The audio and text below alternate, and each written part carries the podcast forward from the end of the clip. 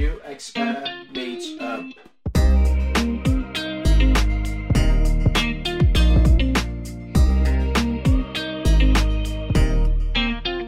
Size bugün sosyal fayda için tasarım odaklı düşünme anlatacağız. Ee, biz biz diyorum, biz kimiz? Ee, OpenIDEO'nun e, belirlediği, her ekip için belirlediği bazı roller var. Ee, biz de bu rollerde 5 kişiyiz. Ee, Aylin bugün aramızda yok, o bizim storyteller'ımız. Yani isminden de belli olduğu üzere ya bizim sesimiz aslında. E, yaptığımız aktiviteleri, işte etkinlikleri, neler yapıyoruz, insanlarla paylaşan e, kişi. Çağrı e, bizim yereldeki organizasyonlarla işte işbirliğimizi kolaylaştıracak, aracı olacak. Ortak hangi payda, paydalarda buluşabiliriz diye güzel yap- yapacak. E, kişi Çağrı. E, Gonca Duyuyorsunuz galiba beni. Ee, Design Guru nasıl? Biz OpenID olarak hep tasarım metodlarıyla alakalıyız, haşır neşiriz.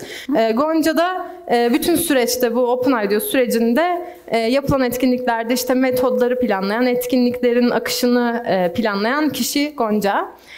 Ee, ben Melis ve Zeynep Cansu, biz community designerlarız. Yani e, topluluk arttırmayı amaçlıyoruz. Etkileşim arttırıyoruz, etkinlikler planlıyoruz, meetuplar planlıyoruz. Ee, bu kadar. Neden biz bir aradayız? Bizim Ankara'da şöyle bir vizyonumuz var. Sosyal fayda için insanları bir araya getirmek istiyoruz. Ama bunu nasıl yapmak istiyoruz? İnsan herkesin kendini rahatça ifade edebileceği bir alan oluşturup e, bu alanın aslında bu insanlar için sosyal faydayı amaç edilmiş insanlar için bir kolaylaştırıcı ağ olmasını istiyoruz. Bu oluştururken aslında yaratıcı özgüveni insanlara sağlamak istiyoruz. Bunu amaçlıyoruz. Ee, Şimdi OpenID, OpenID dedik. OpenID ne? OpenID dünyadaki e, dünyanın en büyük sorunlarına çözüm üretmeyi ve bu çözümleri hayata geçirmeyi teşvik eden bir yenilikçi platform aslında. OpenID'nin e, 30'dan fazla şehirde küçük küçük e, chapter'lar var. Çünkü OpenID biliyor ki globa- globaldeki problemleri e, kendi başına çözemezsiniz. Küçük küçük gruplarla lokalde aslında e, çözümler üretmeyi amaçlıyor. Bunu bu şekilde sağlamayı amaçlıyor. Lokal chapter'larda yine bu globaldeki problemleri lokalde çözümler üretmeyi amaçlayan e, gönüllü insan toplulukları. Şimdi e, bu lokal chapter'lar e, OpenID internet sitesinde belirli e, katılabiliyorlar. Bu challenge'lar için fikir biliyorlar. Şimdi OpenIDEO belirlediği bu dünyanın büyük sorun problemleri dedik. Bunları bazı temalara ayırıyor. E, skalası çok geniş bu problemlerin ama bazen e, skala çok geniş ama çok spesifik e, küçük problemlere e, çözüm aradığı da oluyor. E, OpenIDEO dediğim gibi belirli dönemlerde e, bu challenge'ları yayınlıyor, konuyu size veriyor. Böyle bir problem var dünyada, sponsorları bunlar diyor.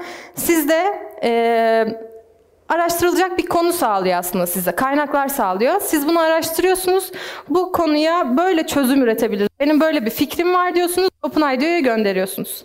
OpenIDEO artık o challenge'ın açılmış o temadaki challenge'ın e, bir kişileri, sponsorları dahilinde bu sizin fikrinizi e, değerlendiriyor ve e, size bir geri dönüş veriyor. Bu geri dönüşte sizin fikrinizin güçlü yanlarını, zayıf yanlarını size söylüyor ve geliştirmeniz için bunları bunları yapmanız gerekiyor diyor. Siz süreçte fikrinizi geliştiriyorsunuz ve tekrar OpenIDEO'ya sunuyorsunuz. En son sürecin sonunda en iyi fikirler değer fikirlerden birinci olana e, bütçe sağlanıyor ve hayata geçirilmesi için destek buluyor bu fikir.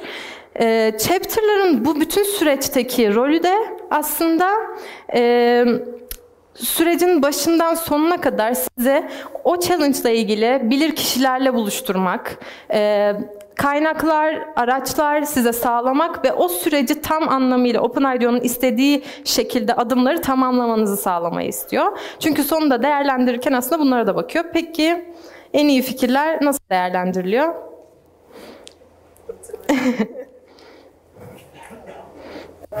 Aslında bu etki yaratma şeyine üç ana şeyin kesişiminden bakıyor ay diyor. Ee, insan faaliyet ve teknolojinin kesişimine eriştiğiniz zaman zaten e, inovasyonu tanımlamış oluyorsunuz ve a, bütün projeyi bu ana başlığa göre seçiyor. Peki bu insan faaliyet ve teknoloji dediğimiz şeyin kesimleri bence yeterli ama. Tamam. Ee, kesişimleri neye göre değerlendiriyor? İnsani değerlerde psikolojik öğeler var, e, deneyimler var, araştırma süreçleriniz var. Ee, iş tarafında bunun business modeli nasıl, nereden para akacak, nerelerde nasıl fırsatlar var onları analizlemenizi bekliyor. Ee, teknolojide ise şu an mevcut teknoloji durumlarını nasıl adapte edebilirsiniz? Bu fikrin gerçekleşmesi için hangi şeylerde etkin rol alabilirsiniz diye bakıyor. İdeonun ve insan odaklı tasarımın ana bir akışı var. Her şeyi araştırma yapıp, keşfedip, fikir yürütüp, uygulayarak bulmanız gerektiğini söylüyor. Ee, ben bu süreçleri size metotlarla anlatmak istemiyorum. İdeo'nun bir case study'si üzerinden anlatacağım. İdeo bir radyo programıyla e, insanların pazartesi günleri işe gitmekten zevk almadığına dair bir geri dönüş alıyorlar ve bunu nasıl daha iyi yaparız diye bir how might we question koyuyorlar ortaya. İlk başladıklarında şey fark ediyorlar. Pazartesileri neden herkes için iğrençtir? Çünkü işte ne yapacağınızı bilmezsiniz. Bütün haftanın başlangıcıdır. Ee, tasklarınız o gün belirlenecektir. Daha hiçbir şey tamamlamadığınız için takdir edilme şeyiniz azdır. Bu feedbackleri toplayınca how might we question'ı bu sefer şeye dönüyor. Peki biz pazartesileri insanlar için nasıl daha eğlenceli bir hale getirebiliriz'e dönüyor. Ve bunun için bir uygulama geliştiriyorlar. Uygulama e, cuma akşamı size o gün sizi mutlu eden bir insana dair, onun ne yaptığına dair bir veri girmenizi sağlıyor ve bunu e, pazartesi günü ilk iş o kişiye mesaj olarak gönderiyor. İlk başta proje çok beğeniliyor her türlü geri dönüşler mükemmel. Herkes pazartesi iple çekiyor çünkü takdir ediliyor. Sonra görüyorlar ki bir hafta sonra bu uygulamanın kullanma oranları çok düşüyor. Sonra tekrar araştırma evresine giriyorlar ve bu sefer şunu görüyorlar.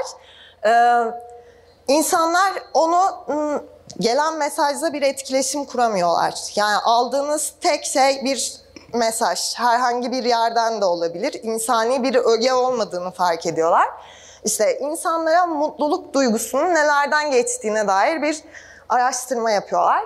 Bunda da en çok e, faydalı gördükleri şey hayvanların tepkileri. İşte bir köpek yavrusu sizi gördüğünde sizi seviyorsa yanınıza koşarak gelir, kuyruğunu sallar, size her türlü sevgisini fiziksel olarak gösterir. Bu uygulamada bunun eksik olduğunu fark ediyorlar ve uygulamaya ek bir ürün tasarlıyorlar.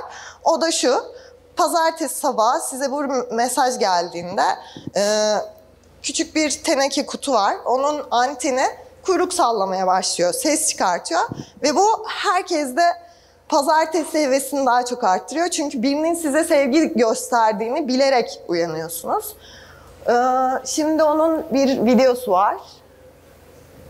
Onu da izleyelim. Sesi yok diye biliyorum. Uygulama temelinde böyle çalışıyor